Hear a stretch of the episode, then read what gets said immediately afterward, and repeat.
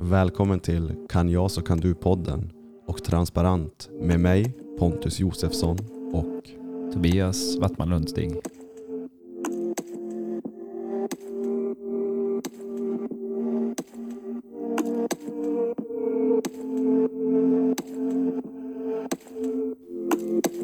Jag ska bara kolla vad Simba skrev senast. Going beyond shame. Mm. Okej, det, var det, det var det jag kom ihåg också. Jag hade det lite så här långt, långt bort i minnet, men någonting med shame var det. Och då är frågan, ska Simba börja? Kan jag få, kan jag få ta ton och börja bara lite grann och förklara? För mö- mötet här blev lite sent. Vi försköt det 15 minuter för att jag hade ett möte innan som drog över på tiden. Och Beyond Shame är rätt intressant för samtalet, varför det drog över på tiden, var precis av den anledningen.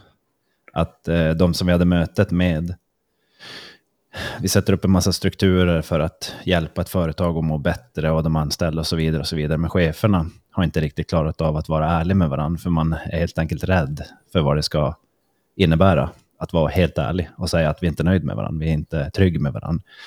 Så man går omkring och bär omkring på frustrationer.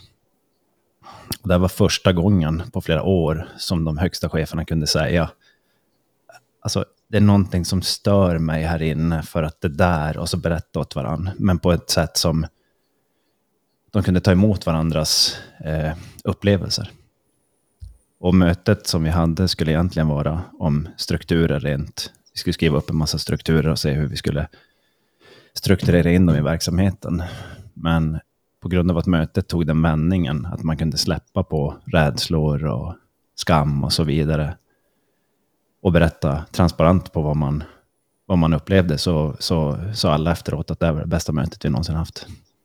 Och min upplevelse är att nu så kommer de kunna prata klarare med varandra på mötena istället hela tiden för att komma med undanflykter och omvägar för att nå sanningen. Så jag ville bara börja med det, för det faktiskt anledningen till min sena ankomst till mötet. Så Beyond Shame är ett väldigt intressant område. Gick det att förstå det jag försökte förklara där?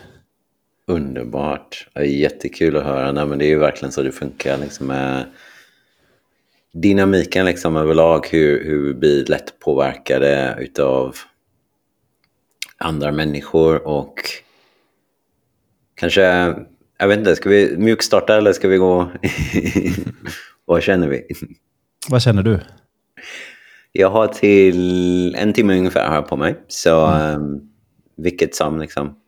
Nej, men kör, lä- sätt, eh, sätt riktning på mötet. Du, eh, det, det är lite grann, du är ju special, eh, specialgästen eh, som, som kommer, eh, vi har ju sagt att vi ska återkomma med en viss frekvens och göra lite episoder där Simba kommer med inslag med sin personlighet och sina kunskaper och sin, sin vinkel att se på saker och ting. Och så diskuterar vi och pratar och ser vart vi, vart, hur vi kan förstå de här sakerna. Så det är du som får sätta riktningen, tänk, tänker jag i varje fall. Ja, Ja. shoot.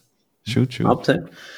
Alright, Simba Stenqvist heter jag. Jobbar som en somatic tension and stress release trainer. Vad det innebär är att jag är specialiserad på att jobba med nervsystemet, speciellt eh, vagusnerven som är väldigt populär nu i dagsläget. Man har säkert sett mycket på YouTube och sociala medier att det är mycket prat om vagusnerven och hur den påverkar oss. Och vi nämnde det lite senast, om jag inte minns fel, vad det autonoma nervsystemet är. Att det är liksom ett system som hjälper oss att identifiera fara eller säkerhet. Och beroende på var kroppen anser att vi är, befinner oss så kommer den mobilisera resurser och energi till att gå in i olika tillstånd. Så nu när vi sitter här kanske vi är lugna, det är kul, vi kan le, vi kan fråga frågor. Nu är vi mer en sån här social, social engagement vi känner oss trygga. känner oss trygga helt enkelt. Man är nyfiken, jag kan fråga saker. Någon kanske kom in sent och man bara, ja men det är inga konstigheter, det är liksom lugnt. Det är, liksom, det är inga problem, ingen känner sig stressad över någonting, man kan vara öppen och ärlig.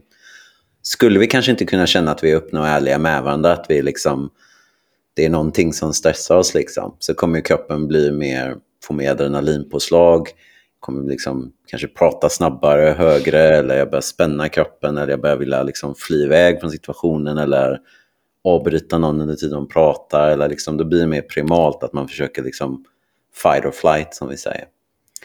Och sista stället som man kan gå till är um, dorsal vagal kallas det. Det är när man inte kan fly iväg från någonting som hotar en och man kan inte kämpa emot det som hotar en. Så kroppen stänger av istället för att ha adrenalinpåslag för att öka aktiviteten för att kämpa mot en fara. Så börjar den att skicka in opiater, oftast endorfin. Så att nu känner kroppen stress, men hjärnan stänger av det som händer neråt. Så att kroppen har massa stress, men hjärnan säger jag lyssnar inte på er Så då får vi något som kallas dissociation. Och det hänger ihop väldigt mycket med skam som eh, var ämnet idag. För skam är en av huvudkänslorna som får en att stänga av. Det är så mycket stress. Jag kanske inte kan göra någonting, kanske inte kan säga någonting. Jag känner den här stressen och så stänger hjärnan av reaktionen från kroppen.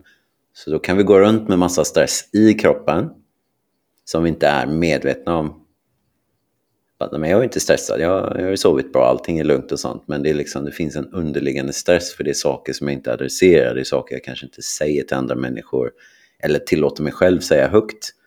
Men det stressar mig fortfarande. Och då kan det påverka vår hälsa väldigt negativt. Och vissa personer är ju mer känsliga och påverkas snabbare och hårdare än andra. Har du sett det? Absolut. Och när jag jobbar med det här så brukar jag tänka mer nervsystem. Just för att det är så pass... Det kan vara så pass reaktivt. Alltså man kan ha så mycket stress i nervsystemet så att till och med säga att du som person eller du... Jag brukar inte ens använda de termerna utan jag brukar utgå från det som en organism. Ditt nervsystem, nervsystemet befinner sig här just nu. Så att man tittar på det lite mer opersonligt för att det är inte du som går och tänker på de här responserna, de sker ju i ditt undermedvetna. Det är ju liksom mm. någonting som kroppen har gjort tusentals gånger. Så att mycket av jobbet handlar om att inte känna skam och skuld över det, att det är något fel på mig. Och det är ju det första som kommer upp när man blir liksom, för många människor, för många nervsystem, när det kommer upp kritik att nej, jag har gjort något dåligt, jag måste försvara mig, jag måste säga någonting eller ja, men låt säga vardagskritik, någon säger någonting till en, en, en komplimang eller ja, men det var ingenting. Eller någon ger dig en kritik och så börjar man förklara sig. Det är ju ett försvar. Då är man inne i den här fight or flight. Så jag försöker verkligen använda så här egoneutralt språk så att folk kan få utforska vad det är för responsen som kommer upp i nervsystemet. Mm.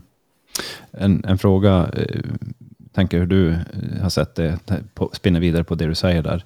När, eh, när man kommer i kontakt med någon så behöver man ge säg att man har ett behov av att uttrycka sig och ge en viss form av information, men man är rädd för hur mottagaren ska ta emot det, så känner man, så finns det en del personer som, eller nervsystemet, hjärnan och nervsystemet skickar nu massa information till varann. Och, och har man inte då eh, verktyg för att logiskt kunna lugna sig själv och nå fram till en person, så gör man en avvikelse och så går man omkring och bär omkring på en frustration, för nu kan jag, jag, kan, fort, jag kan inte nå fram, men jag når kanske halvvägs fram. Men halvvägs ibland är hälften helvete, hälften himmel, så att säga.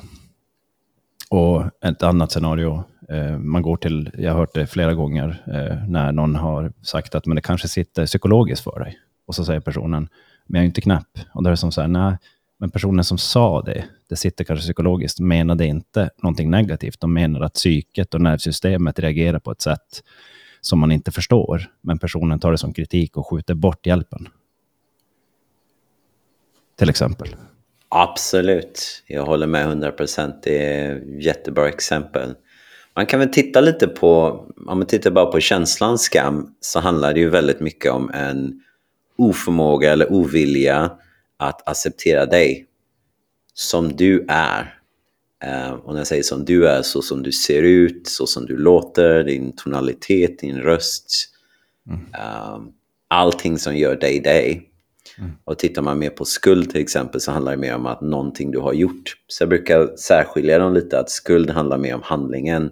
Jag gjorde någon besviken, men då är det en handling som jag känner skuld över, medan skam är oftast dig som person. Mm. Och um, jag menar, när man växer upp så är det ju inte jättefrämjat att vara annorlunda eller att sticka ut. Det är ju det sista man vill göra, speciellt under tonåren. Så att skam är någonting som vandrar med oss oftast från tidig ålder och sen fortlöper det om man inte har fått utrymme att få jobba med det. Så går det upp i vuxen ålder och kan man börja se relationer och i arbetsmiljöer definitivt, i olika arbetssammanhang så mm. dyker det upp. Får jag fråga, när du jobbar med det här, eh, man brukar ju ibland säga, eller finns det en teori att man jobbar med någonting som man har sett har ett värde. Och varför man ser att det har ett värde är för att jag själv har varit påverkad av någonting. Antingen i första hand, eller i andra eller i tredje hand, men påverkad så att det har gjort någonting med mig. Och nu jobbar jag med det för att jag har sett effekten av det. Har du varit påverkad av de här sakerna i ditt liv? Oh ja, skam har varit en av huvudkänslorna som jag verkligen... Uh, finns säkert kvar en del, men från var jag började känner jag inte att det finns jättemycket kvar. Um, hela nervsystemet, autonoma nervsystemet, är ett erfarenhetsbaserat system. Så att definitivt så är det ju som yrkesverksam är det ju en jätteprivilegium att kunna få föra egna erfarenheter vidare till andra mm. människor, men även situationer jag jobbat med andra människor och fått dem att må bättre, att kunna föra det vidare för att givetvis har det ett värde. Allting blir så mycket lättare när det inte är massa skam bakom.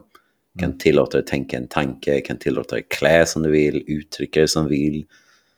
Det är klart att man har hänsyn till andra människor, det är inte det jag menar, men att det är inte det här filtret, det är inte den här trotsen, det är inte den här liksom att du måste tänka två, tre, fyra, fem, sex, sju extra gånger innan jag säger någonting.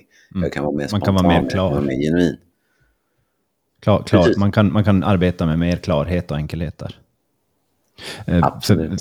det, jag, det jag brukar, varför jag ställer frågan, det är för att jag märker när jag jobbar, så eh, de som jobbar och är teoretiskt kunniga mycket och så jobbar de i klinisk praktik och eh, in, inte kanske har förankrat den här kunskapen som du pratar om. Då pratar man oftast ur ett inte jag utan du-perspektiv till patienten eller kunden.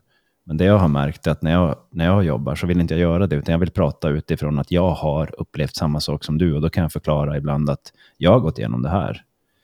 Och då säger personen bara, har du känt de här känslorna? Och så öppnar de upp sig. Eh, just den här och jag kan berätta saker om mig själv och min familj och saker och ting som, som eh, inte är så att säga kränkande för min familj eller för, för dem jag berättar om, utan snarare ur ett öppnande trygghetsperspektiv, att det, här är, det är mer normaliserat att faktiskt ha gått igenom trauman, att ha gått igenom problem, sjukdomar, oavsett om de har suttit psykiskt, fysiskt, emotionellt, neurologiskt. Och där upplever jag åtminstone och jag tänker hur du ser på det, att, att, när man delar med sig av sig själv, vad man får tillbaka av mottagaren eller kunden eller patienten eller vad man vill kalla det för, eh, vårdsökaren, hjälpsökaren.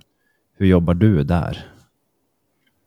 Jättebra punkt. Ehm, mycket om man tittar på och jobbar med nervsystem överlag är ju trygghet. Och det som är familjärt, det som jag kan identifiera mig med känns tryggt. Om jag känner att det är den eh, udda ankungen eller liksom att jag, jag sticker ut svarta fåret så kanske jag inte känner mig trygg i en interaktion med en annan person eller i en gruppering. Men kan jag känna en identifiering, vilket oftast sker att man kanske har snarlika erfarenheter eller att någon börjar öppna upp och eh, visa liksom sårbarhet och öppenhet så bjuder man ju in för att någon annan gör det också. Att det är liksom mm. inte att jag ska sitta och döma dig och det bara fråga ut dig om allting. Precis mm. samspel.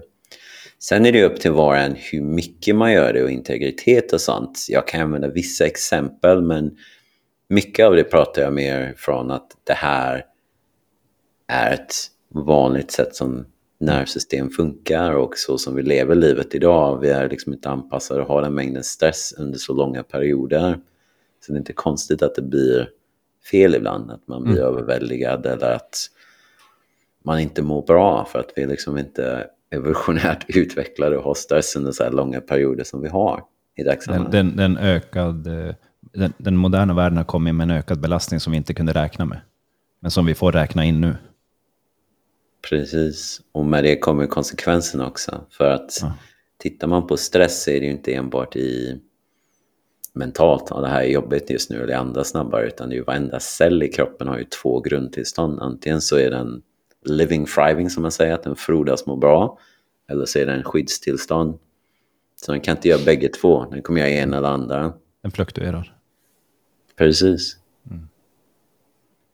Så givetvis kontakt. Eh, jag brukar säga så här, om det inte finns en känsla av säkerhet och trygghet eller ett band mellan den personen som du jobbar med och dig själv, då finns det inte en modell att börja jobba med. Det finns det liksom inte en ingång. Många personer har aldrig upplevt trygghet som jag jobbar med. De kanske aldrig gått till den nivån och verkligen känner sig helt trygga. De kanske är födda i en miljö som är otrygg och så har hela livet lett till att det är mycket stresspåslag till punkten att de kanske inte ens vet, de kanske inte ens har en modell vad trygghet är. Om inte vi kan upprätthålla det mellan oss när vi börjar jobba så kan vi egentligen inte göra någonting av något djup. Det betyder inte att man inte kan börja jobba, man kan jobba så kan det hända successivt. Mm.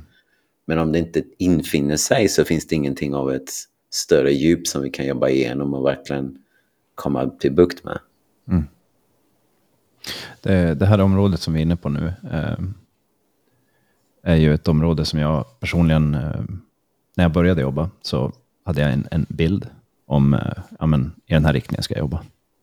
Men ju mer jag började jobba med hälsa, välmående och se, följa den här röda tråden in i vad är det som leder till lösningar, då var det ganska självklart att jag behöver gå den här vägen som vi nu pratar om, jag utforskar här. Och ju mer man utforskar det så kommer jag i kontakt med mina egna rädslor och mina egna skam och mina egna trygghetsbarriärer så att säga. Och eh, då var det väldigt klart för mig i varje fall. Jag vet inte, tänkte ställa dig samma fråga eh, som jag ska förklara mig själv nu. Det, då behövde jag ställa mig frågan, vågar jag gå dit jag behöver gå för att komma dit jag vill? Och vad leder det till? Absolut, det handlar ju om att göra jobbet själv och det var ju lite det du var inne på, att man kanske intellektuellt förstår alla teorier, man kanske jobbat igenom tankar, positiv tanke, negativ tanke, hur vara för mindset, mycket så här psykologiska interventioner. Mm. Men man kanske inte har jobbat igenom nervsystemet och mm. 90% av alla våra beteenden kommer just från erfarenheter vi har från tidigare situationer i, som är lagade i nervsystemet eller det man kallar det undermedvetna.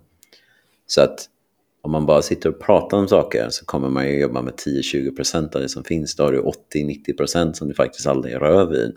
Och om du själv som terapeut inte riktigt vill gå dit, då kan det bli väldigt svårt att guida någon annan dit. Jag försöker mm. inte säga att något är bättre eller sämre eller dra ner någon, utan jag bara menar att om du själv inte har gått dit så är det lite som en blind kan inte leda en annan blind hur som helst. Mm. Kanske de kan, de kanske vet hur man går och kan leda någon, men man kanske inte kan leda dem till att se någonting om du inte kan se själv. Du behöver ha en modell för dig själv för att kunna lära ut det till en annan mm. individ, ett annat nervsystem. Precis det du säger nu, det var en, eh, en man vid ett tillfälle som jobbar med andlig, andlig hälsa, som eh, beskrev det i en, en eh, han hade ett webbradioprogram under många år. Och då, säger, då var det en, en eh, kille som ringde in och pratade och så och så kom de fram till att han skulle behöva utforska ett visst område och det var de med trygghets, eh, neurologiska trygghetsfaktorerna och, och, eh, för att se vad som händer. Och då sa han så här, vart hittar jag en person som kan jobba med det? Och då sa han så här, ah, jag vet faktiskt inte riktigt vem du ska vända dig till, men du behöver hitta någon som förstår sig på det här området och kan det. Som kan vara den personen du behöver just där och då. Och då säger han så här, kan det vara den personen? Och då sa han så här, spelar ingen roll vad de har för utbildning, de behöver förstå det. Och de behöver vara den personen som kan vara där för dig. Och så frågar han så här, kan det vara en god vän som har någon form av utbildning? Han säger, jag kan inte säga vem det kan vara. Jag kan bara säga att det behöver vara den personen som kan vara närvarande och inte så att säga förstärka dina känslor i den riktningen du inte behöver. Och då vart han så här, ja, men vem är den personen då? Men du behöver söka nu för att hitta det. Och du jobbar ju med det. Jag jobbar med liknande processer. Eh, men att hitta sådana här saker, det är inte vilken fysioterapeut som helst man kan gå till. Och det betyder ju inte att fysioterapeuten inte gör ett adekvat och är duktig på det de gör. Men i de här fallen så behöver man hitta en, ett ankare i någon form av trygghet med någon som vet vad de gör. I kampsporten brukar vi säga when the student is ready the teacher will appear. Liksom, ja. När studenten är redo så hittar man rätt lärare. Och det, det handlar ju väldigt mycket om man börjar leta efter information och röra sig i kretsar som, där du kan hitta någon som kan det här. Liksom. Att man börjar med en, med en nyfikenhet och en vilja att vilja förändra någonting och att någonting inte riktigt funkar för mig, någonting lirar inte, det känns inte balanserat, det är mycket konflikter i relationer, antingen på jobbet eller hemma eller med barn eller vad det nu är. Saker och ting lirar inte, jag mår inte hundra. Och det börjar ju oftast en, ett sökande av något slag. Mm. Man kanske testar yoga, man kanske går till läkaren, man har ju olika sätt att utforska det på. Mm. Men någonstans brukar jag också titta på hur mår den här personen jag jobbar med? Mm. Hur ser de ut? Inte så att jag behöver modellera deras liv, men någonstans så behöver det finnas någon slags välmående eller något slags grundning i den personen i sig. Att man ser det, att det är det du modellerar. Din kropp vill ju liksom kopiera. Det är därför man kan vara väldigt bra med vissa människor. Oh, känns som jag kan prata om allt med dig och jag är bara så lugn. Och, jo, men det är för att din nervsystem känner sig tryggt med den här personen. Mm. För den här personens nervsystem känner sig tryggt med sig själv. Och då kan man börja kopiera och så kan man börja umgås i en miljö som alltså terapeutiskt när man jobbar med dem professionellt, men man kan börja spendera tid i den miljön och lära sig hur man gör det på egen hand. Och det är det man kallar co-regulation till self-regulation, att man lär sig att reglera sitt nervsystem med en annan person. Och sen så kan man börja göra det för sin egen del, men man behöver oftast hjälp från början att göra det om man inte vet hur man gör det själv. Mm. Ja, det blir som att ge sig ut på en, i en skog utan en karta. Om man, någon kan hjälpa en med en karta och förklara att det finns stigar här och så vidare. Så är det. Och med, det finns liksom... Tittar man, det är ju så vi växer upp. Liksom om, om du inte får någon fysisk beröring när du växer upp så kommer du med stor sannolikhet att utveckla en rad olika, låt oss säga problem senare i livet. Det kan vara fysiskt, det kan vara mentalt, eh, motionellt. Det finns till och med studier på det. Det var i vad det senaste jag läste, i Rumänien så var det ett um, vad heter det, barnhem, tror jag det kallas, orphanage, där um, de hade så mycket barn, föräldralösa barn, som liksom föräldrar som fick barn och inte kunde ta hand om dem och bara lämnade det till det här barnahemmet. Så de hade rader med barn. Så de här stackars sköterskorna fick springa omkring och liksom kolla till alla barn, men de hann inte med alla. Så av någon anledning som jag inte vet så förde de studier på de här barnen genom livet. Och de som var två, tre rader längst bak, som fick minst uppmärksamhet, fick autoimmuna sjukdomar, de fick stresspåslag, de levde kortare tid, sämre kvalitet av liv, vad det nu än betyder för var och en, men sämre sömn, de var överviktiga. Mm. Så att mycket av det att komma ner i varv handlar liksom om den första kontakten i fysisk beröring, men även att man känner en trygghet och säkerhet med någon. Och den behöver infinna sig i dig själv innan du kan börja ge det till någon annan, speciellt professionellt. Jag hörde en liknande, eh, vad heter det, eh, kan man nästan kalla det för en empirisk studie, när eh, det var ett liknande barnhem, jag tror inte det var i Rumänien, men någon annanstans, när det var en, de såg att, att barn, föräldralösa barn dog i, vissa av barnen dog i, i det här föräldrahemmet och jag är osäker om det var på flera också. Men det var vissa som överlevde och det var, eh, då visade det sig att eh, någon som arbetade på barnhemmet eh, på sina raster gick in och bara satt omkring och bara lekte med några av barnen så här, bara för att det fanns ingenting att göra. Och de barnen eh, hade högre immunförsvar och överlevde infektioner och överlevde, vad ska man säga, första kriserna i livet. Eh, enligt vad den här studien då visade. Och just då menar de på att just den här beröringen, att det finns någon annan att koppla an till och man upplever ja, trygghet, eh, koppling, kanske glädje. Eh, att, att det var då en faktor, var det man ville som visa på att det hade man nu sett. Och sen en annan sak som jag nyligen tog del av, det var att i, jag tror att det var det amerikanska rättssystemet, så visade det sig att de hade, jag vet inte exakt hur de hade gjort studien, men jag tycker det var intressant. Bara det som benämndes var att i liknande fall, om domaren har utsatts för kraftiga prövningar i fallen just före vissa enklare fall, som säger att eh, det har varit någon så här obehagliga mord de har varit eh, tagit i sina ärenden. Nästa fall efteråt, oavsett om det var ett lätt eller medeltungt fall, så bedömde de, alltså de gjorde kraftigare rättsåtgärder för den personen efteråt för att de var uppretade, upplevde de. De kunde inte uttrycka det själv, man såg det i studier att om du var utsatt för någonting hotfullt och svårt att hantera innan, då gör man en, en kraftfullare reaktion efteråt. Och det är inte logiskt, men det är neurologiskt man gör det. Och det blir logiskt först när man tittar på det. Och, det, det, och då, då menar den här som har tittat på det, en neuroforskare, att eh, man tror att man har gjort en korrekt bedömning, men man har faktiskt gjort en riktigt oschysst bedömning. Men man vet inte om det. Men det kunde de se via studien. Och det, det, det visar likadant på det vi pratar om, tänker jag. Därför var det bara intressant för mig att lyfta upp de här olika perspektiven. Absolut. Sen handlar det mycket om försvar. Om man inte kunde stå upp för sig själv, man inte kunde försvara sig själv. Och många som jobbar i rättsväsenden går ju in för att de vill ju försvara andra och ta hand om och haft egna erfarenheter som de vill hjälpa andra och kanske inte har eller ta sig igenom. Så att den här energin måste komma ut någonstans. Det är det som är hela grejen. Om jag varit med om någonting och jag inte kunde komma ut och stå upp för mig själv så har jag massa aktivitet i nervsystemet som vill ut på något sätt. Den vill hitta ett utlopp. Kan den inte hitta ett utlopp så brukar den ställa till kaos i kroppen. Då brukar det bli gå på organ eller kan gå på leder. Det blir liksom en överbelastning. Och energi, man kan kolla på det på många olika sätt, men det är aktivitet i nervsystemet. Har du hög aktivitet i nervsystemet så påverkas varenda cell i kroppen, varenda organ. Och någonstans så vill det finnas ett utlopp för det. Um, och det kan ju komma ut på väldigt många olika sätt.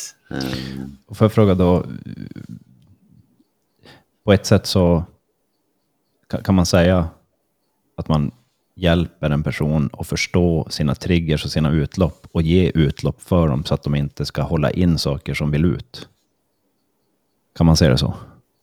Det kan man säga. En vanlig sak som händer många är att folk säger men uttryck det bara. Om du är arg, gå och slå på en säck och gör det där. Ja, du får ju utlopp för energin, men det släpper inte på triggern. Så släppa på en trigger handlar oftast om att du kommer till punkten där något triggar dig och så gör du något nytt. Du Alltså hantera den på ett mer nytt. konstruktivt sätt. Precis. Du introducerar någonting nytt och då får kroppen ett nytt sätt att se på det. Men givetvis, att jobba igenom triggers är ju en, en, stor, en stor aspekt. Men det är ju förmodligen trigger som gör att många söker sig till någon. Att de bara, "Åh, jag säger fel saker vid fel tillfälle. Eller jag, jag, jag kan inte sitta i lugn och ro. Eller kanske de är jättetysta men de kan inte sova för att mm, all den här energin är kvar i kroppen. Den bara letar efter en väg ut. Så den börjar påverka en i andra eh, sfärer i livet. Mm. Jag hade ett möte med en kille igår i en grupp och då säger han, det var väldigt fint, det upplevde jag var starkt av honom att säga det. Då när vi sitter och pratar, för vi försöker hjälpa honom genom vissa skeden i livet och det är arbetsplatsen som betalar för det. Och då säger han när vi sitter och pratar så ber han reflektera på vad vi säger och hur vi, hur vi hur låter det här. Kan du ge oss lite feedback? Och då säger han så här, alltså, jag tycker det här är svårt, säger han. Det är helt okej. Alltså jag känner att jag kan inte ge ord för de här sakerna. Och då är det som så här, precis, det är egentligen det vi ska hjälpa dig med. Att hitta ord för det du tidigare inte hade ord för. För om du inte får orden för det, så blir ju sakerna kvar och då blir du begränsad i livet. Och han har inte riktigt klippt navelsträngen till sina föräldrar och till sitt ungdomsliv än. Och han, är, han har börjat komma upp i mogen vuxen ålder. Och det begränsar honom då. Men just bara att personen säger det, jag saknar orden, jag, jag, jag tycker det här är svårt. Det, då, säger, då säger ju personen vart det är stopp för dem. Och då är frågan, då börjar vi ju där för den här personen. Jag tänkte bara Ja vad du. Absolut. Nej, jag, jag håller med där. Absolut. Det är ju, vokabulär är en väldigt viktig del av vilken läkningsresa som helst. För att kunna uttrycka, många gånger så kan man känna en känsla. Men du kanske inte har uttryck för det, eller du kanske inte ens vet att det är en känsla. Jag gick runt med ångest i hela mitt liv. Jag trodde att när jag inte tränade fysiskt, när jag inte körde på riktigt tungt, så fick jag den här konstiga känslan i kroppen. Ja, men det är för jag inte tränar. Jag gjorde aldrig kopplingen för jag förstod inte vad ångest var. Men när jag började lära mig vad ångest var och fick ett vokabulär för det och hur det funkar och kunde börja prata om det så kände jag mig mycket mer balanserad och var inte liksom lika tvångsbetonad till att göra mm. vissa aktiviteter eller gå in i vissa beteenden för att må bra. Jag kunde reglera det genom att uttrycka det och kunde jag uttrycka det så kunde jag identifiera det och skapa en plan, alltså en mm. handlingsplan. Vad gör jag härifrån? Hur jobbar jag med den här energin istället för att gå in i beroende eller copingmekanismer som kanske inte är jättehållbara. Jag kommer ihåg när vi träffades så var väl du och jag bland de mer lite kraftigt fysiska personerna på platsen där vi gick utbildningen.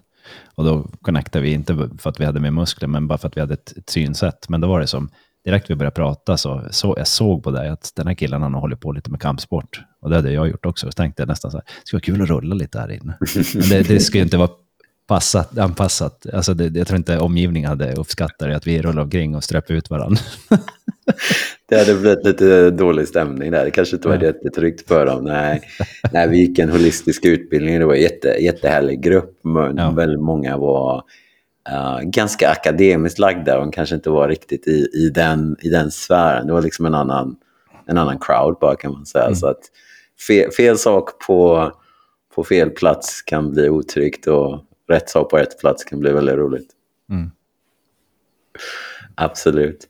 Jag tänker så här när man kopplar ett samman det till skam så överlag. Det finns ju liksom hälsosamma faktorer med skam om man tittar på det. Att man lär sig att bli accepterad i en grupp, i en enhet, i ett samhälle, ett community.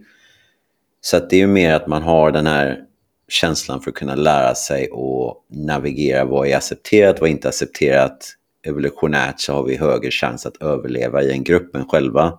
Nyfött mm. barn, om ni lämnar det själv, kommer inte någonstans. Så att vi är liksom, även när vi blir äldre, liksom, vi har liksom det här evolutionärt att vi ska överleva i en grupp, vi har större sammanhang, eh, sannolikhet att överleva, men även att vi är designade för att vara i grupper eller vara med andra människor. Vi är designade för att vara ensamma.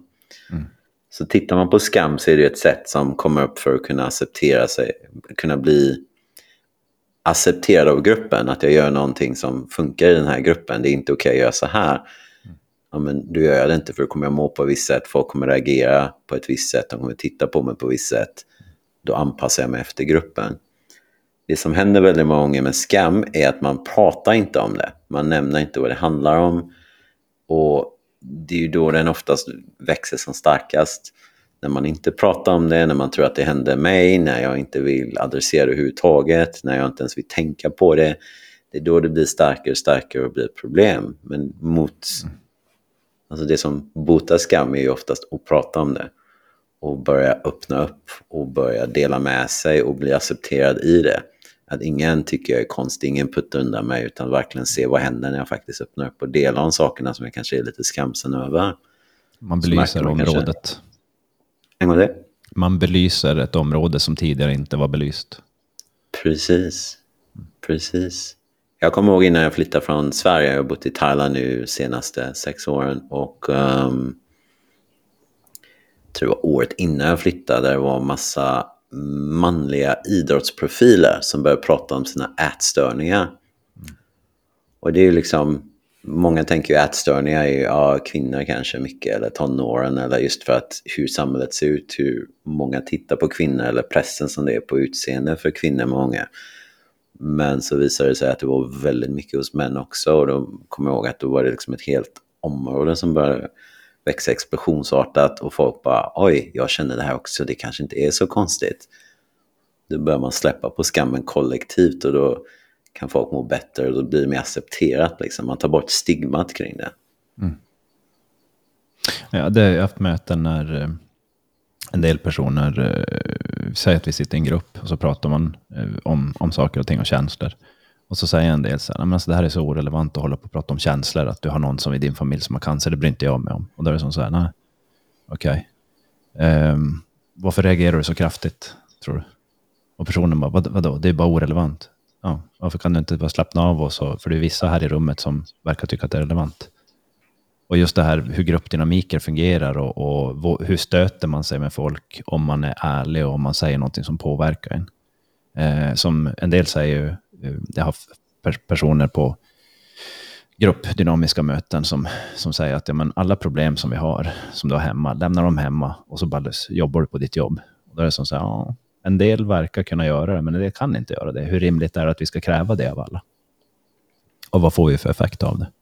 Och eh, just att öppna upp det här, och då, då visar det sig att när de, det jag har sett är att när även den personen som säger det lär sig att öppna upp det, så förstår de sig själv mycket mer och får mycket mer förståelse av sin omgivning.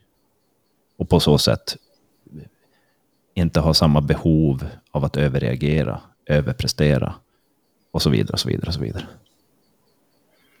Absolut, man skapar ju en trygghet och en kontext och som du sa, man belyser ju triggers hos andra. Vad är det i dig? Eller vad är det som skapar så mycket obehag när vi pratar kring det? Ja, men det hör inte ihop med det här. Okej, okay vad är det då som påverkar så mycket om det inte hör ihop? Varför är det emotionell koppling till det? Mm. Givetvis är det jätteintressant eh, spår att jobba med och, och utforska. Eh, ett av många bara. Absolut. Det finns jättemånga. Um, givetvis så finns det ju liksom en professionell sida. Det finns ju ett utbyte, energiutbyte. Jag går dit och erbjuder en tjänst i en kapacitet med vad jag kan, så som jag är och jag respekterar värderingarna, drömmen, uppdraget, meningen med företaget och tjänsten som jag levererar för att, för att bygga vidare på den. Alltså hur jag kommer till en arbetsplats och hur jag arbetsför mig. Men gemensamma nämnaren är att jag går dit. Alla delar av mig är där. Oavsett om jag stänger av dem eller inte så är alla delar mm. närvarande. Mm. Och jag tror väldigt mycket handlar om att hitta en balans i det. Att det kanske inte alltid är... Ehm, allting ligger inte helt på arbets, eh, alltså, arbetstagaren eller arbetsgivaren, att man måste lösa alla problemen på jobbet, men att det finns ett forum, en möjlighet att kunna adressera och att man kan ha hänsyn till det gör ju att man känner sig mer trygg och mer hemma och då gör man ju ofta statistiskt sett mycket bättre jobb längre, mindre sjuk och man tycker om arbetsplatsen bättre för det känns tryggt. Men om jag bara går dit och ska leverera och mår jag dåligt så kan jag inte leverera bra. Då kommer jag ha en annan förhållningssätt. En, en rolig, eller en, en intressant reflektion som jag nu gör, det, har du hört talas om Agnes Wold? Mm. Hon är en eh, läkare och forskare. Hon är väldigt kontroversiell. Och hon är väldigt krass när det kommer till typ sådana här saker. Och hon, hon menar, hon är, jag tror hon är biolog eller någonting liknande. Jag, jag, lite osagt, hennes specialfält. Men hon, hon är väldigt skön att lyssna på tycker jag. Men jag håller inte med henne i allt hon säger, verkligen långt ifrån. Men då säger hon vid något tillfälle att eh, det visar sig att om man är munter och lite bitter, det, det är den mest produktiva och, och, stabila arbetaren. Så att eh, munterhet och bitterhet och lite il, il, frustration, det är det man ska ha för att, eh, enligt henne då. Och jag håller inte med henne där. Att är man så normaltillståndet, det är som det bästa att vara i. Sa hon vid något tillfälle. Och jag, jag vet inte, om jag hade druckit någonting vid det tillfället så hade jag nog spottat tillbaka det i koppen. För att det, jag, jag, jag fick en liten sån reaktion när jag hörde det. det var fascinerande bara. Jag tänkte, för vi kan ju ha olika syner på saker och ting. Det vi pratar om är ju olika system att, att jobba med kroppen. Och det är ju en del, upplever jag i varje fall, som inte ens vet att det här systemet att jobba som vi pratar om nu existerar. Har du varit i kontakt med det någonting? Att vadå, det här finns typ inte. Varför har jag aldrig hört talas om det här förut? Det har funnits väldigt länge, men det är väl ett ny... Nej, systemet har väl funnits sedan tidernas begynnelse på ett sätt. Absolut, det har du helt rätt i. Sättet att se på det, relatera och prata om det är ju relativt nytt. Och sättet att titta på trauma och stresspåslag och hur kroppen reagerar överlag har ju ändrats väldigt mycket över åren. Mm. Um, på 50-talet i USA till exempel så medicinerade de folk som hade flashbacks, de hade minnesbilder av trauma för de trodde att de var schizoaffektiva eller schizofrena. Inte överallt men på många ställen. Så att de hade liksom inte samma insikt i vad är det som händer idag. Och mycket av det här med stress och trauma och nervsystemet börjar ju verkligen bli uh, utvecklat och utforskat efter, andra världs, uh, efter första världskriget var det faktiskt. När folk kom tillbaka och bara, vad är det som händer med alla de här människorna? De har väldigt abnormala beteenden här och det är liksom reaktioner som är väldigt, väldigt accelererade i, i kontext till vad det är som faktiskt har hänt. Någon smäller en dörr och någon, och någon reagerar på alla cylindrar.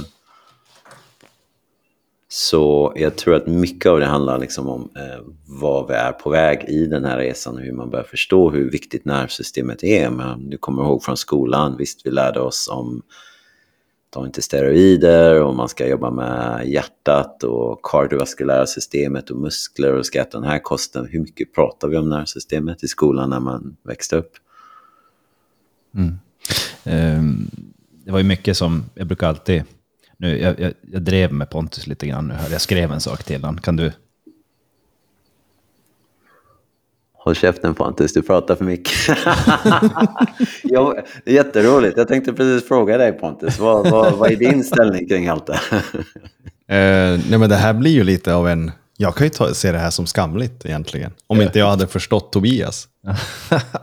Så det här kan ju bli en skam för mig. Ja, absolut. Och det här kan ju samtidigt i så fall bli en liten press att shit. Ja, det var, jag tänkte på det när jag gav den till dig, att det var, det, var, det var ett skämt faktiskt. För jag skulle säga en grej, eh, eftersom att en sitter och lyssnar och är med och, och jag tolkar det som att du är intresserad och, och, och tar in jag, jag har frågor, men ja. jag tänker ja. Och jag var i, en, i ett sammanhang när jag var rest en gång, vi bodde utomlands och så var, det en, var jag hälsade på en man, jag var inbjuden och så var vi där på en liten grillfest, vi var några stycken bara och jag kände mig som att jag ville inte ta plats eller jag kände mig, jag kanske inte kände mig trygg. Och så satt jag som i en soffa så här och lyssnade på dem och säga vad, vad de bara sa så här. Jag var säkert lite trött också, kanske lite berusad också. Och så säger han som är så att säga eh, husägaren och, och initiativtagaren till grillfesten. För de hade ju som bjudit dit mig för att bara känna dig trygg här och så här.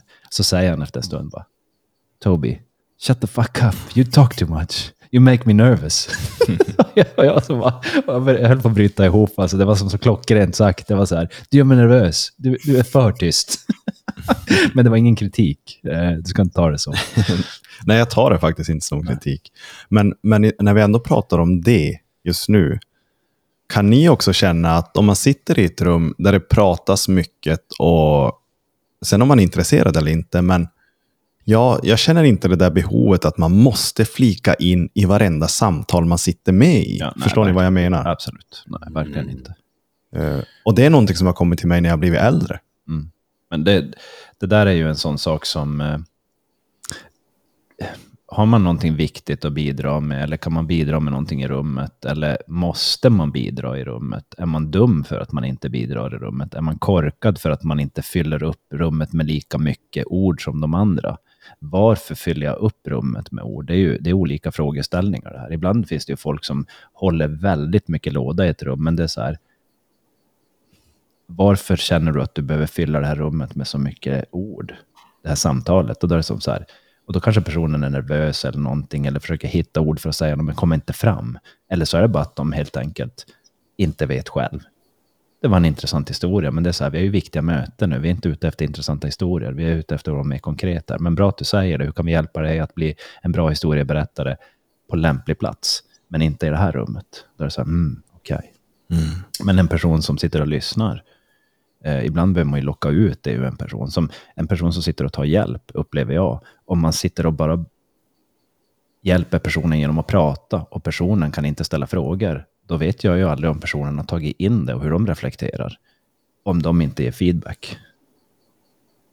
Får vi inte igång det samarbetet. Så att, men ja, absolut. Känner igen det. Mm.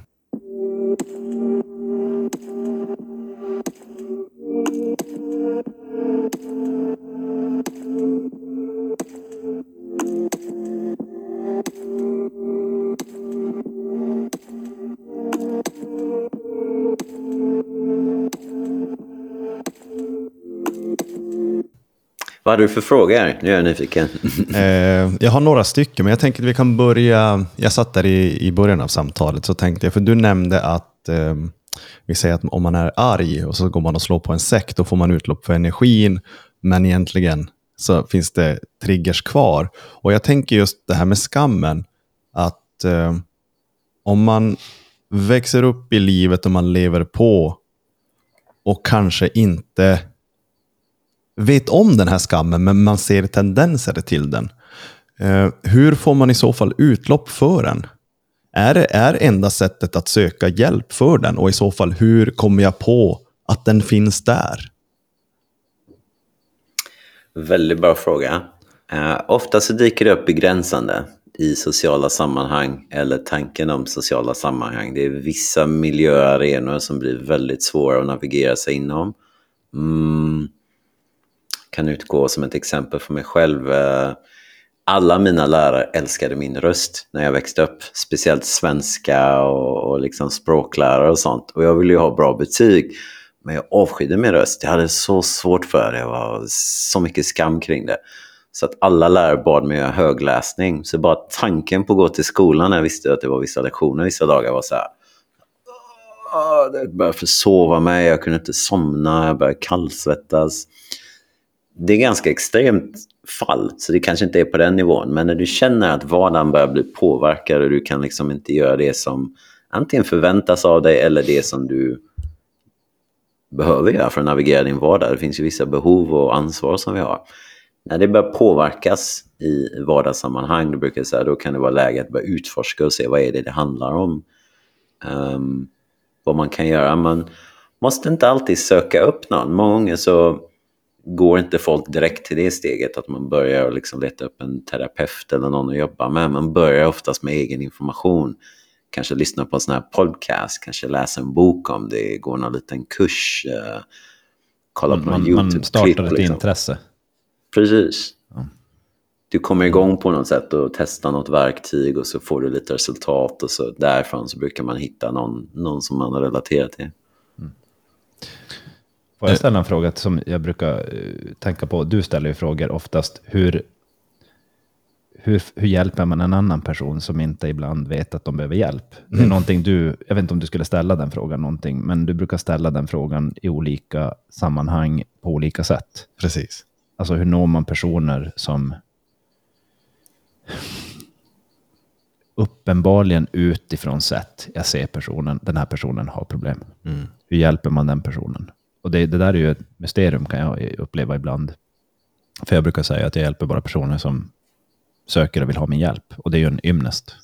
Men däremot om man är i ett sammanhang som till exempel en relation, arbetsrelation, personen som har problemet som man upplever problemet till har inte kommit till att jonglera med lösningar. Har du stött på sådana saker? Oh ja. Um, man kan inte hjälpa någon som inte vill bli hjälpt. Mm. Det är det första man skulle säga med det. Men är det helt, helt sant?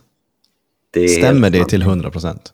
Det är helt sant. Det man mm. kan göra dock, för att du, ska vi se hur man uttrycker det här så det blir bra grammatiskt. Man kan, man kan ju alltid ge personen chansen och se om de tar den. Mm. Men om de skjuter ifrån sig den så skjuter de ifrån sig den. Mm. Enkelt beskrivet. Jag tänker mig att det behöver, precis som du säger, men det behöver finnas en vilja att göra någonting. Att, att börja någonstans. Att mötas och, typ någonstans. Precis, att man vill mötas. Och vad jag menar med det uttrycket är att om det inte finns en vilja att göra någonting med det så det enda man kan göra är att man kan älska personen, man kan vara där, du kan föregå med ett gott exempel. Men någon som vill göra någonting och som är på väg någonstans och som, som verkligen har bestämt sig för att göra någonting undermedvetet eller medvetet, det är väldigt svårt att hindra det. Man kan vara där, man kan jobba och stötta folk. Jag säger inte att man ska ge upp på människor, att det är kört, att liksom, vill du inte så försvinn. Det, det, det håller jag inte med om alls. Men att få någon att ändra på sig, om de inte vill göra det själva, det i min åsikt är inte möjligt överhuvudtaget. För det är svårt när de vill göra det. Om någon inte ens vill göra det så har man ett helt annat utgångsläge. Och, och det handlar helt enkelt om att oavsett hur duktig coach, healer, psykolog, vad du än är, det är aldrig jag som ändrar personen, det är de som ändrar sig själva med hjälp av någon. Så om de inte vill göra det så är det väldigt svårt skulle jag säga utan det handlar om att stötta någon till att må bra nog till punkten när jag faktiskt vill göra någonting för att förändra något i livet. Mm. Har du någon mer fråga? Um, jo, för du, Det är bara en, eh, en ganska ytlig fråga. För du nämnde att man börjar se på patienter, man börjar göra undersökningar efter första världskriget var det. Eh, att de här eh, bilderna, trauman, finns kvar och det blir effekter av dem. Och jag, har, jag är lite intresserad av att se hur man kan hjälpa personer med till exempel krigsveteraner som har PTSD. Och nu känns det som att det har blivit mer och mer accepterat att prata om droger att hjälpa. Om man får säga droger då. Vissa typer av Vissa substanser. typer av substanser. Och det tycker jag är jätteintressant. Eh, Simba, eh, i så fall, är du för eller icke för det? Jag vet inte hur insatt du är i just substansämnet när det kommer till att hjälpa PTSD-människor men, som Det- har PTSD. Det Men. blir ju en kombinationsterapi man gör då med utbildad, ja, adekvatutbildad Ah, pratar du terapi typ om plus- MDMA och svamp och sånt? Precis. Ah, okej. Ja, precis. Mm. Okej, ja, men då hänger jag med på vad du pratar om. Um, allting handlar om i vilken kontext du jobbar med personen, vad det finns för alternativ, vad det är för legalitet, vad du har för utbildning, vad personen vill.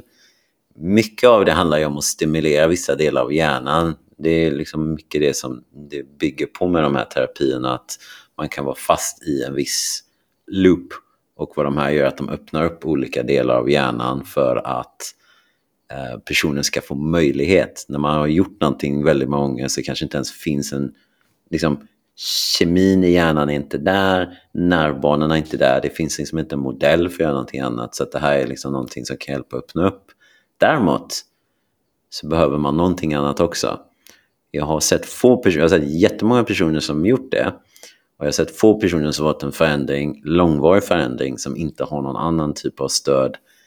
Och att de har jobbat sig upp till punkten när de gör det och att de fortsätter jobba med någonting efteråt. Så det är inte så att man går in och gör en, två sessioner och sen är allt bra. Man behöver jobba sig upp till punkten när man kan göra en sån här intervention. Och sen behöver man ha efterföljande stöd skulle jag säga. Så Men man- ja, man- det kan i- definitivt funka. Det kan ge jättebra resultat. Det, det kan vara en katalysator till att ta sig förbi trösklar. Det var bara det jag undrade för att eh, i Sverige så är det ju väldigt, väldigt... Uh, man får knappt prata om det nästan, känns det som. Och det var bara därför jag... Det har ju börjat pratas om det ganska utbrett. Även, även i Sverige så pratar man faktiskt om det, om man tittar sig runt. Det, det blir mer och mer. Men Sverige är ju ett väldigt icke-liberalt land när det kommer till det här, utan väldigt styrt utifrån att man tror på de ramarna vi har. Och i andra länder så är ju ramarna annorlunda och man ser annorlunda saker. Så det är ju frågan av det, det, jag som, det jag inte med, det jag, så som jag ser på saker är vad, vad, vad, kan, vad får vi för effekt av vad? Mm, Istället för vad är korrekt och vad är icke korrekt. exakt. Och vad ger det för effekter? Där, där lägger jag alltid mitt, min frågeställning. Men lag och regel är ju, jag menar, jag, jag gjorde så här, jag mår bra av det, men jag hamnar i fängelset. Det mår jag inte så bra av, till exempel. Den, den logiken går ju ihop om man säger. Mm, Men om man tittar på första steget, kan det ge oss någonting hälsosamt långsiktigt, då kanske vi ska införa det eh, konstruktivt i en viss kontext långsiktigt. mm. Eh, det är ju handling och effekt, tänker jag.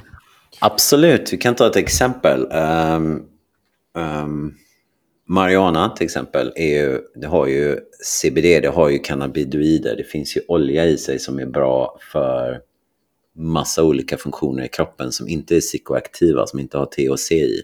Så att det finns ju olja som man kan använda för man kan liksom använda i munnen, man kan äta det, man kan smörja det på kroppen som kan ha vissa effekter och hjälpa kroppen med smärta, inflammation och liknande. Lugna nervsystemet bland annat. Precis, lugna nervsystemet. Och det har använts medicinellt i Thailand i evigheter, alltså jättelänge. Men det har varit olagligt i många år, nästan dödsstraff på, på vissa grejer. CBD-oljan. På eh, marijuana. Ja, på Mariana. Men CBD-oljan, tänker jag, har, de, har den varit olaglig också eller? Absolut, den har varit sån här gråzon liksom, men den har varit, eh, ja, du har förmodligen åkt på det också. Eh, Jag vet inte exakt hur det har sett ut tidigare, men jag kommer ihåg när jag kom hit så var det fortfarande lite av en gråzon.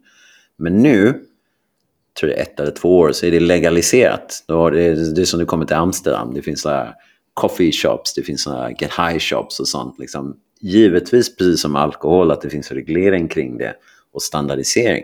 Men det är legaliserat. Och vad som händer då är att folk tittar på det på ett helt annat sätt. För nu är det accepterat i kulturen. Det är inte skam kring det här. Nu är det okej okay att, göra någonting med det. Mm. För det var, varför jag räckte upp handen, det var att fråga just skammen kring när någon säger så här. Vi, vi leker med tanken att vi kommer till en helt ny kultur. Och så, och så eh, säg, vi som män, man går ut i, vi säger att det, det, det är bara ett skogsområde, så går man ut och så, vad är kissnödig, så ställer man kissen mot ett träd. Och så kommer någon och så säger de så här, det där är skamligt att göra i vår kultur. Mm. Oj då. Då gör jag ju inte det. Så här är det fel. Mm. Men, men vad är det för fel? Jag vattnade ju bara trädet. Och då är det som så här, det, det är skam utifrån vår kultur. Mm. Det finns ingen logik i det mer än att det är skamligt. För så här gör man inte här. Eh, men när jag kommer hem till Sverige så kan jag ju fortfarande göra det här. Så det, plötsligt så har vi två olika kulturer som, som, som reglerar olika saker. Så vad händer när jag kommer hem till Sverige och ska kissa mot ett träd som man då? Om jag har bott i den där kulturen i säg, en stor del av livet, där det är så här, oh, vad märklig känsla. Som till exempel komma från England eller Australien och komma till norra Sverige. Och så säger man så här, men kom, vi bjuder på middag, vi, vi dricker någon öl. Och så bara, vi tar en bastu och så är det så här, ska jag sitta naken med en massa män i ett rum och svettas och dricka öl.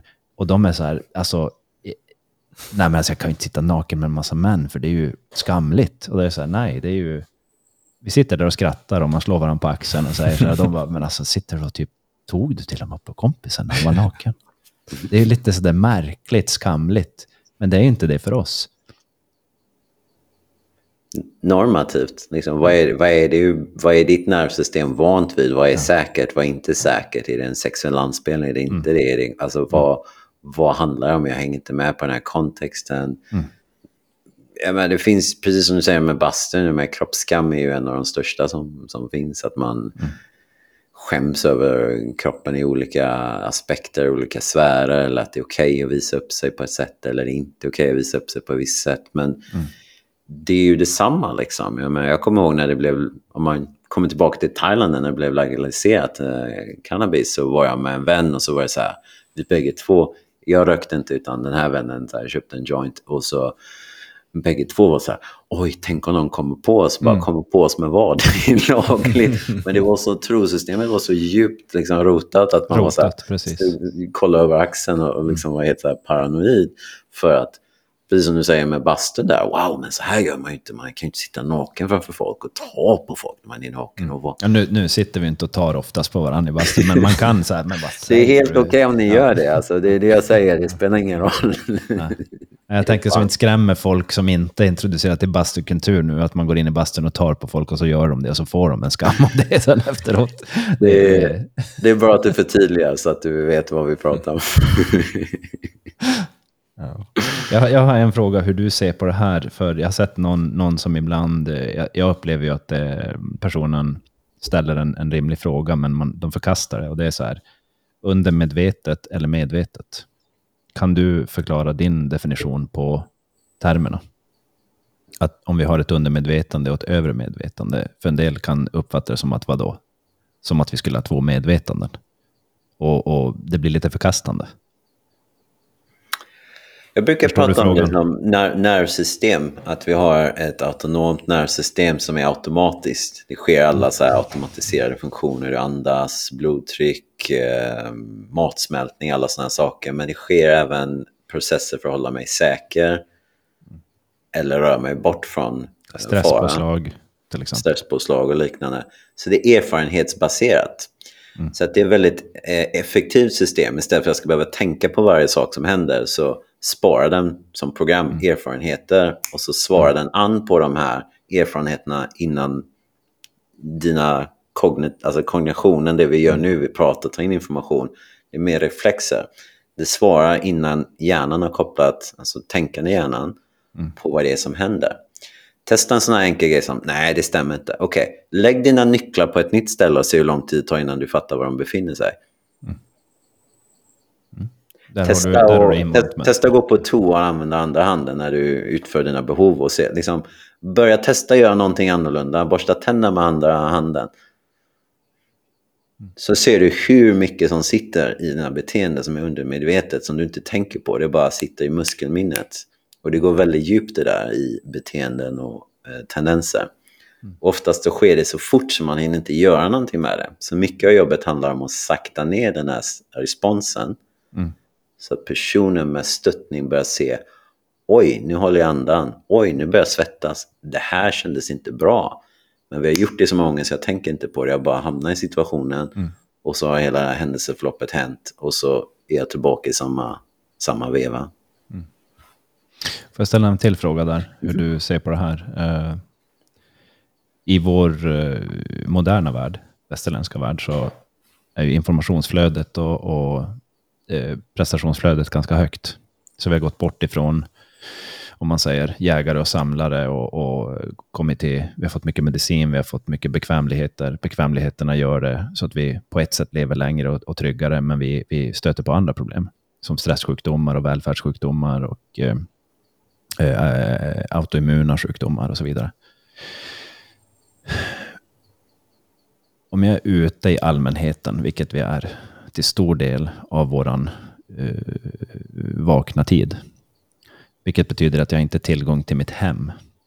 Jag har inte tillgång till min egen toalett.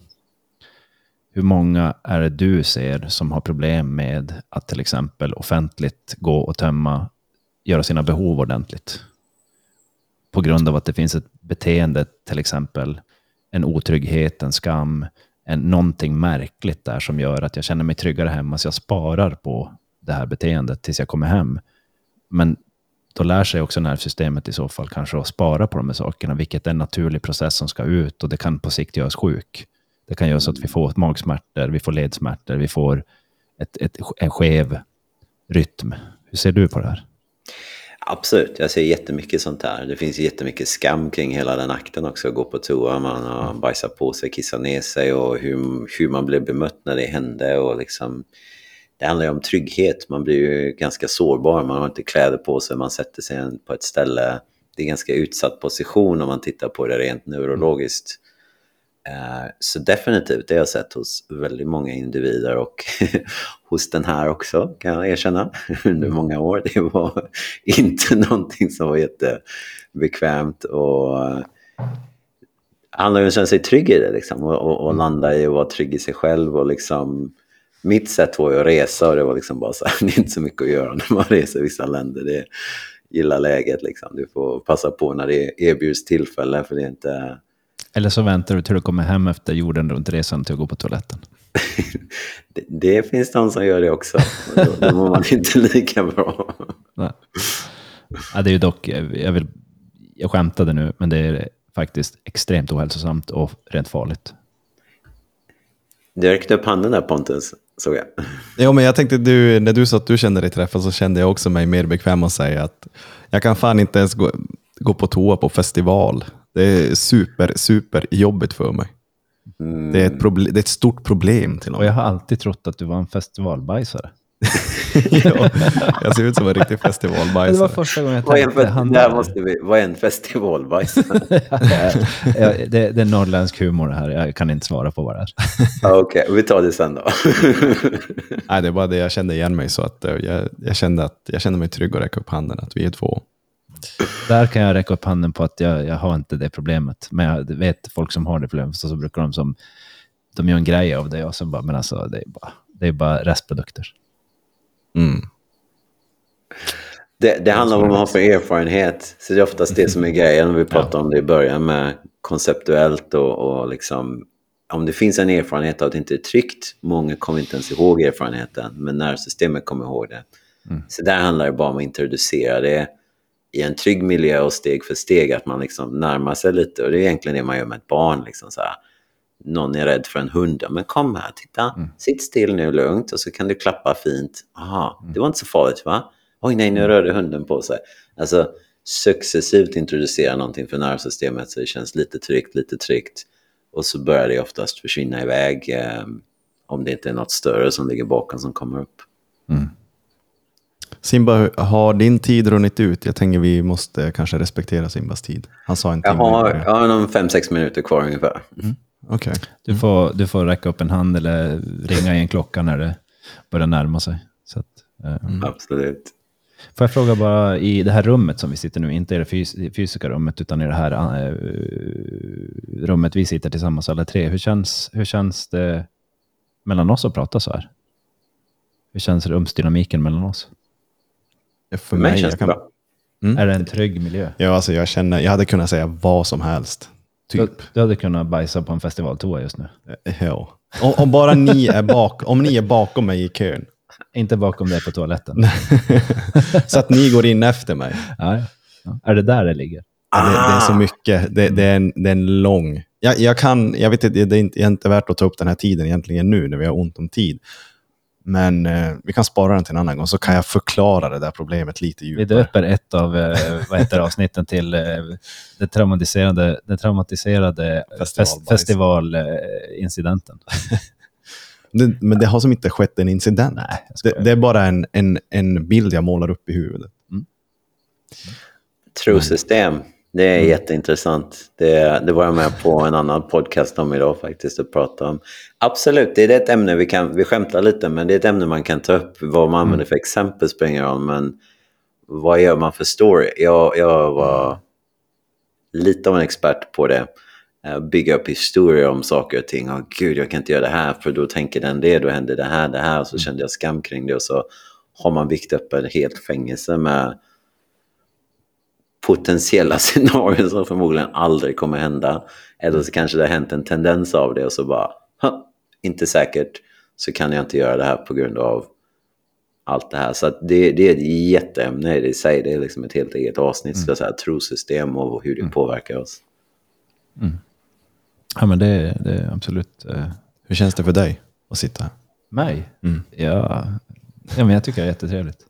Jag tycker det funkar bra. Jag tycker vi pratar... Det känns som vi är trygg med vad vi, vem vi är och, och med varandra. Mm. Vi skulle lätt kunna sitta i en bastu tillsammans. Inga konstigheter. Nej. Så nej, men trosystem är ju en abs- absolut. Eh, trosystem har ju skapat eh, religioner och sekter och eh, allt möjligt. Eh, det har skapat företagsverksamheter och det har skapat relationer och det skapar till och med barn i slutändan. Och det skapar separationer. Så beroende på hur man möter varandra, hur man kommer tillsammans och hur man glider ifrån varandra och hur man respekterar varandra i dem eller förstår varandra. Så det är ju ett jätteintressant område. Titta på vilken konflikt som helst som någonsin hänt i världen. Och så försök hitta en konflikt där någon inte har försvarat ett trosystem. Mm. Och det blir... Det tror jag vi kan... Kanske, jag kan då enas med dig att det finns eh, två trosystem eller fler som inte vill förstå varandra. Eller inte kommer till att förstå varandra. Precis. Jag hade en, en jätteliten konflikt här i en grupp. Då två personer varit väldigt upprörd på varandra, eller en på den andra. Och då frågade jag om jag skulle kunna få göra en övning med dem.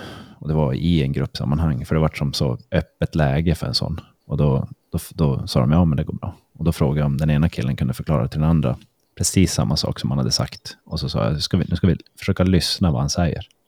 Och sen kommer du få ge feedback vad du har hört. Och de bara okej. Okay. Och så efter vi hade gjort den övningen så, så säger han som vart arg. Och nu när jag som lyssnade, verkligen lyssnade på vad han sa, så sa han ju faktiskt att alltså han, han förkastade ju inte alls den där personen. Alltså han upplevde att han hade pratat skit om någon.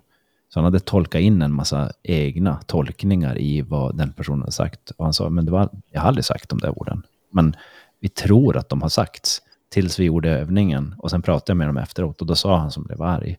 Och så han sa, tack, nu, nu förstod jag verkligen. Jag hade ju misstolkat det där. Ja, men i misstolkningen när du blev arg, trodde du att du hade uppfattat det rätt? Och han sa, jo. Så man går omkring med ett trosystem och skapar väldigt mycket konflikt och frustration, högt blodtryck, hjärt och kärl, överbelastning på grund av tro, inte sanning. Absolut, så är det 100 procent att det ligger liksom till grunden i det. Och det mest intressanta med trosystem utan att gå in i ett annat ämne, det är ju att det finns ju inget trosystem som du inte kan ändra på. Om du är öppen för det. Absolut. Men även om du inte är öppen för det Ja. så kan du ha erfarenheter som gör att det blir omöjligt att hålla fast vid det. Du kan fortfarande hålla fast vid det, men då bryter det verkligen ner. Det här kommer aldrig kunna hända, det här är omöjligt att det händer, och så händer det. Har du något har sånt exempel? verklighetskonflikt. Har du något sånt exempel? Hmm. Men för, för det jag tänker, när, när det händer, då ställs man i en sån konflikt som man får öppna upp sig själv för att öka sin förståelse. Kan det inte ligga någonting i det? Jag tvingas nu till att titta på det där jag tidigare aldrig har tvingats till att titta på det. Hänger du med på hur jag tänker? Absolut. Så då tvingas man in i en, en ny öppenhet där jag tänker att tidigare behövde jag aldrig vara öppen för det där. Mm. Som jag har ett, ett exempel. Eh, för något år sedan så var det någon som skrev in en insändare till en tidning och så sa de så här, jag har hela tiden varit helt övertygad om att psykisk ohälsa var rent svammel. Finns inte.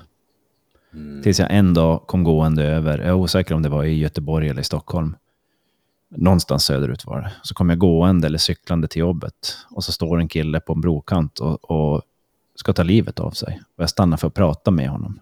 Och efter det samtalet så ändrade jag helt min syn. Psykisk ohälsa är verklighet. Men innan jag stötte på den mannen på bron så fanns det inte. För mig. Mm. Och det är rätt intressant.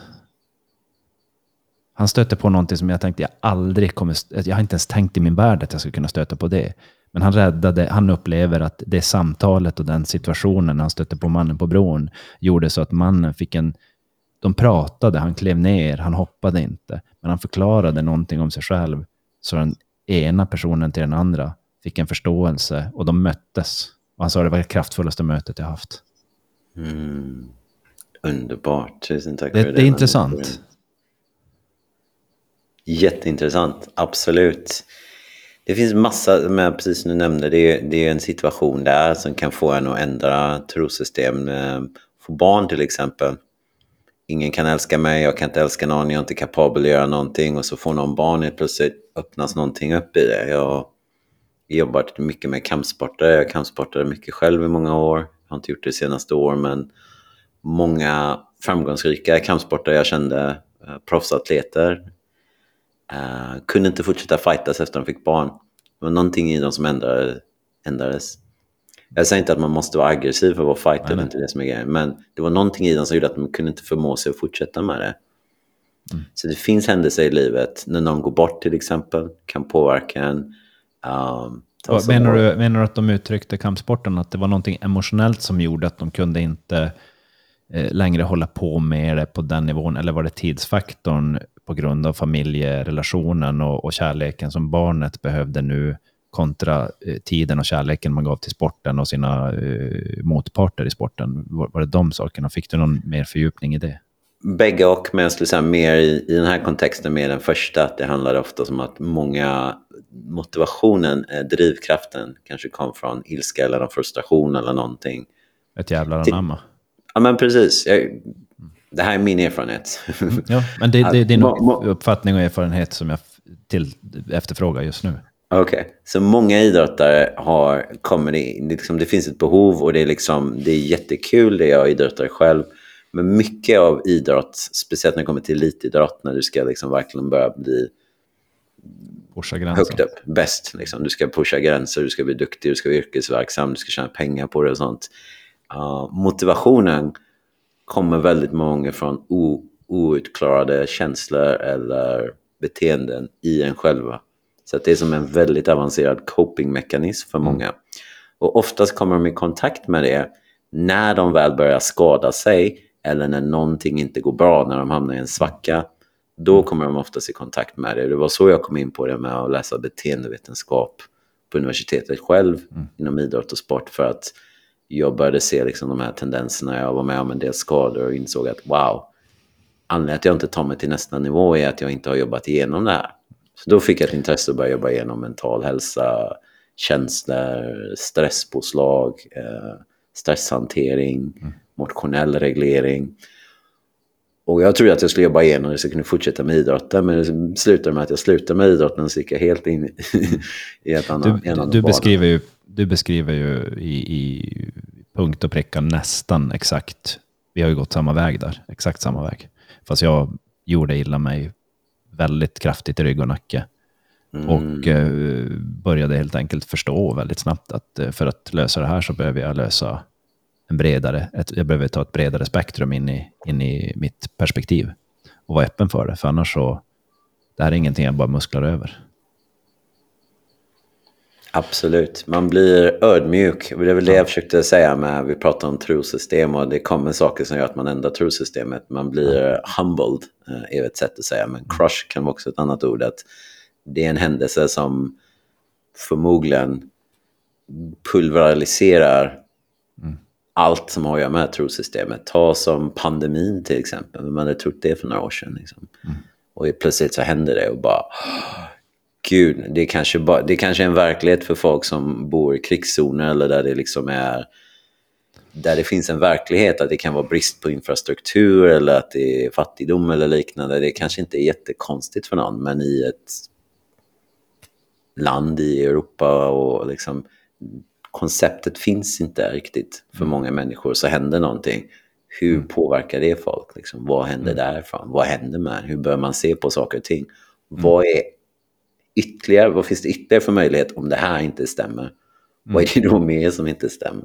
Det sätter igång en kedjereaktion i ens trosystem som om man integrerar det blir vad man kallar så här conscious expansion, att man börjar öppna sitt sinne och se andra eh, perspektiv och vinklar på och livsåskådning, att man kan mm. börja titta på livet och sig själv och situationer annorlunda som den här personen som stannar, någon som hoppar av bron och kanske bara trodde att med mental hälsa är folk som inte vill jobba och som gillar att gnälla. Mm. Och så såg de bara, wow, den här personen försöker ta livet av sig. Mm. Det här jag får se det, det är ingen liksom... historia som kommer från någon annan som jag inte... Jag, ja, lite, det är bara en påhittad historia. Nu fick jag se det rakt i ögonen. Och erfara det, känna ja. det i nervsystemet, för det är en jättekraftig känsla. Jag har hjälpt folk som har försökt ta livet av sig också, inte i, i yrket, men privat. Uh, ja. Det är en jätte, jättekraftig upplevelse i nervsystemet. Ja känna den stressen som kommer från en annan. Så det blir väldigt svårt Närvaron inte, också, ska jag säga. Den närvaron man får i den stunden är unik. När någon dör, någon ska göra ett livsavgörande eh, beslut.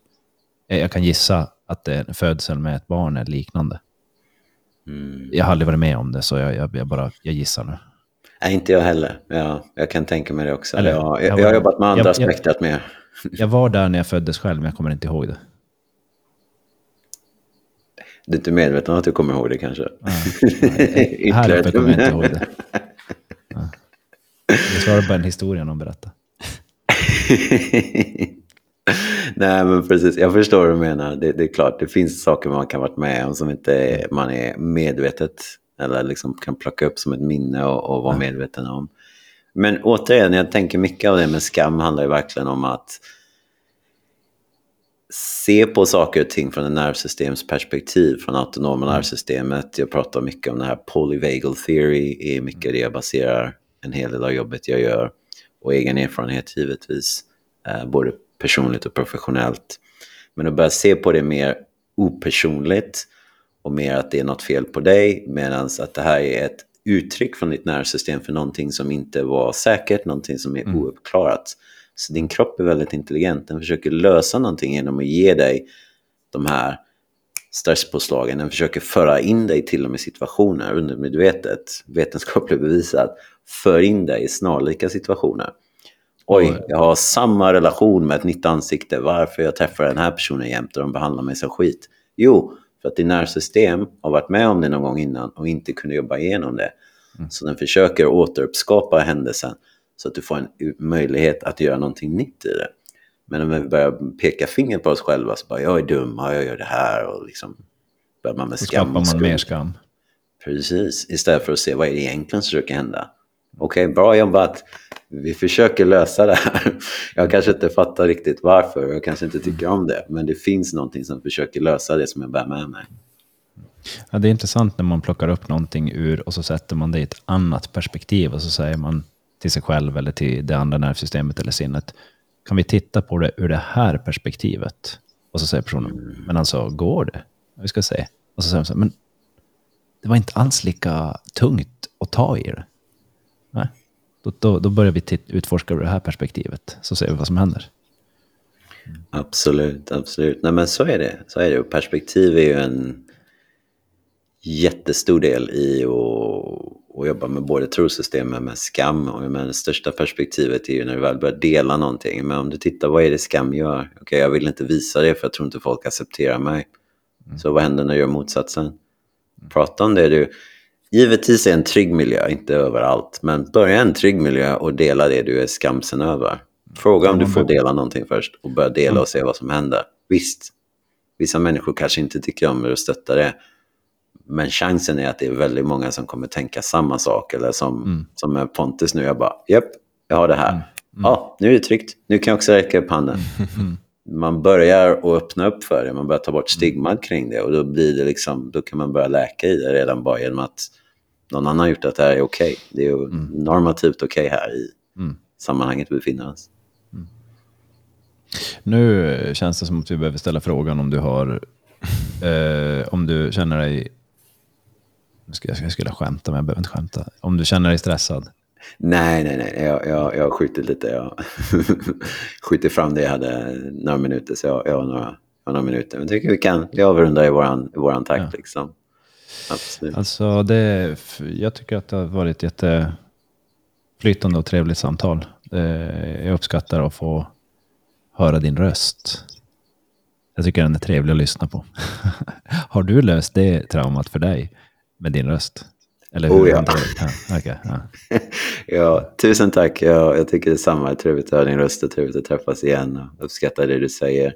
Definitivt. Jag, livssituationen jag befinner mig i, så jag jobbar och det rollen jag har i livet.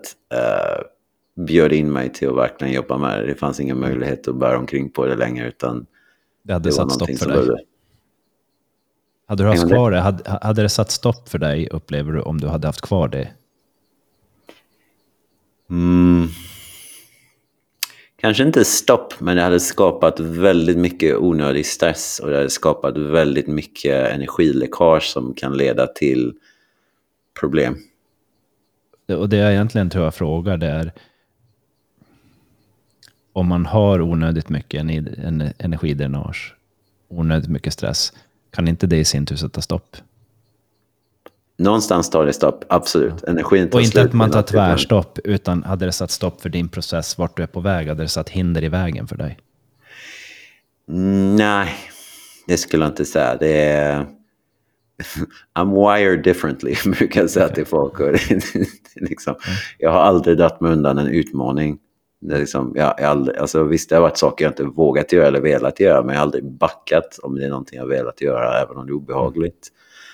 Um, så det är en för kvalitet. Vad jag, vad, för vad jag upplever är när jag ser sådana saker hos mig själv, som vi pratar om, de här triggerserna, då upplever jag att jag kan säga att de här minsta triggerserna, som till exempel lyssna på sin röst, att kunna tala i grupp, det är som så här, nej men nu hade jag kunnat hitta en väg runt det, men nej, det hade inte varit värt att hitta en väg runt det, för det hade satt stopp. Jag hade gjort konstiga saker, för jag hade inte kunnat gå rakt igenom det här fältet på grund av att jag tror att det finns för mycket ormar där.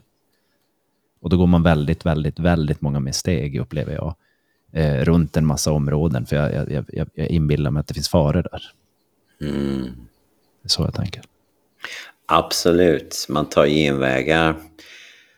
Som sagt, Givetvis är det alltid med facit i efterhand att hade jag inte haft det här så hade jag inte behövt göra det. Men någonstans så är det ju erfarenheterna och på grund av att man gjort det som leder att man är där man är och kan kanske hjälpa andra till och med. Så det är verkligen så här, det finns ja, för och nackdelar med allting. Uppskatta det man har varit med om är ju en fin grej. Absolut. Eh, det, är ju, det har ju lett dig till den du är. Jag tror så här, att du har haft en erfarenhet och pratar om den och delar med dig kan göra att någon annan inte behöver ha samma erfarenhet och gå igenom hela samma spektrum. Så att det mm. blir lite att man kan förmedla sig, förmedla det vidare. Men min far sa alltid så här, du kan aldrig förhindra någon att ha en erfarenhet. Du kan försöka och förneka och säga någonting och liknande, det här vi pratade om innan Pontus. Kan man hjälpa någon som inte vill bli hjälpt? Om de vill göra någonting och man ser att det verkligen är en dålig idé från där du kommer ifrån, att det kommer inte leda till någonting bra. Om, det om de har bestämt sig för att göra det så kommer det hända på ett eller annat sätt. Och det är det jag menar med att inte kunna hjälpa, att det liksom är det en riktning som är satt så är den satt. Så att folk kommer behöva ha sina erfarenheter. Men vad som kommer av den erfarenheten vet man aldrig. Det kan leda till att det blir någonting bra av det. De går in i en jättesvår del i livet. Men det kommer till ett ställe där de kan hjälpa andra och leder till något som är gynnsamt för en annan människa. Mm. Mm. Tack så jättemycket för dagens möte och den tiden vi kunde åsidositta åsidosätta för att sitta ner med varandra. Tusen tack, tusen tack. Och om ni lyssnar och vill höra mer definitivt så vill jag gärna eh, ja, men vi, vi, tillbaka.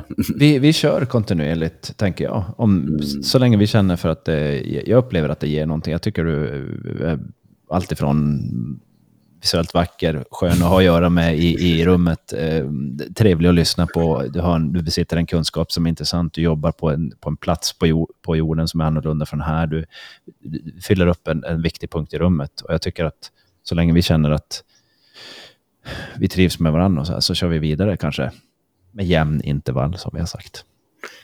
Och folk får gärna komma med frågor också. Alltså lyssnare. Absolut. Ja, men jag instämmer. Det är jättekul att prata med er bägge två. Eh, oavsett i vilken mängd och avseenden. Liksom. Det är jättekul att vara i samma energi och jättetacksam att vara här. Och precis som du nämnde lite där att eh, jag jobbar i Thailand. Eh, vårt ställe heter Living with the Spirits. Och vi har både retreatcenter där folk kan komma och bo med oss eh, under tre veckor och så jobbar vi med de här olika aspekterna med stress, med livsstilsförändring kan man väl säga är väl det lättaste ordet. Uh, om det är på grund av att man har smärta eller att någonting inte funkar eller att man bara vill ta nästa steg. Så jobbar vi väldigt mycket med det. Vi jobbar även online med folk. Och jag håller även utbildningar inom det här, hur man kan använda olika somatiska metoder för att jobba med nervsystemet så att man kan um, göra sig av med stress och anspänningar på annat sätt än att bara prata om det. Inte att prata om det är dåligt. Och, och en, en att ta medicin. Och ett annat sätt än medicin också. Ett alternativ, absolut. Mm. Man får mer alternativ, mer valmöjligheter att faktiskt jobba med hälsa som är uh, empowering. Att du faktiskt kan ta hand om det. Det behöver inte vara att du alltid går och frågar någon annan om det. Du lär dig om dig själv och du får verktyg att bli självständig så att du kan ta ansvar, ta tur med din egen hälsa och jobba vidare. Någonting som skulle vara intressant för framtiden, jag vet inte om jag sa det förra gången, men att åka ner och göra ett studiebesök och en podd mm. om det vid något tillfälle skulle vara en intressant sak. Jag bara nämner det som en Det skulle vara... Vilken rolig grej. Jag sitter Absolut. faktiskt nu, och, alltså nu när jag följer, ni har ju en tjej där som lägger ut ganska frekvent och ni delar ju på Living with the Spirit och det har fått mig att bara, fan nästa gång jag åker till Thailand så då blir det tre veckor och simba. Helt klart. Absolut. Du bara tajma det så får du säga till så, så, kan vi göra det. Ja, precis. Vi har en, här som, en person här som delar väldigt mycket nu frekvent om hur det ser ut att vara här och, och, och liksom allt sånt här. Och det är, är det en besökare hos er eller någon som arbetar? Eh, det är en besökare i det. Ja, okay. Faktiskt. Men som jobbar med mycket med sociala medier och liknande och som eh, för sin egen del faktiskt var lite så här accountability. Liksom att nu, nu ska jag prata om det här varje dag så att jag verkligen inte håller inne det och blir skamsen över vad som händer. Jag ska verkligen dela det för att hjälpa andra människor. Så mm. det är någon som är yrkesverksam inom snarlikt område. Okay. Som bor hos oss nu i tre veckor och som valde att dela sin resa varje dag. Och mm. uh, ja, det, det är kul att höra att det var givande. Mm. Verkligen. Vi syns där nere. Mm. det gör vi. Det gör vi. Ni är varmt välkomna. Det är lite annorlunda som sagt. Det är ju Chiang Mai, det är norra delen av Thailand. Eh, de mm. flesta tänker strand när de tänker Chiang Mai. Vi är uppe i bergen så det är en annan typ av turism. Det är en annan typ av natur och invånarna i norr är väldigt annorlunda från i söder. Inget säger att något är bättre eller sämre, det är bara en annan kultur i norr än i söder. Uh, lite långsammare skulle jag säga och lite lugnare. Det är liksom som när man åker ner till Italien jämfört med Sverige. Folk är lite mer fartfyllda. Liksom. Det är ett mm. annat... Folk är bara annorlunda. Så att det är lite lugnare. Men som i Sverige, ni norrlänningar. Liksom, det, det är lite Det tar, lugnare det, det, tar, det tar några timmar från handling till effekt. Eller tanke till, till, till handling. Det är inte alltid en dålig sak. Nej. All Right. men, nej, men som sagt, tusen tack. Tusen tack. Ska vi, ja, vi säger hej då här och sen så kan vi säga hej då till Simba efteråt med en snabb sväng bara. Absolut. Det kan vi göra. Toppen. På, på eh, återseende allihop. Precis. Vi syns och hörs och tack Simba än en gång. Tusen tack för att jag fick vara med.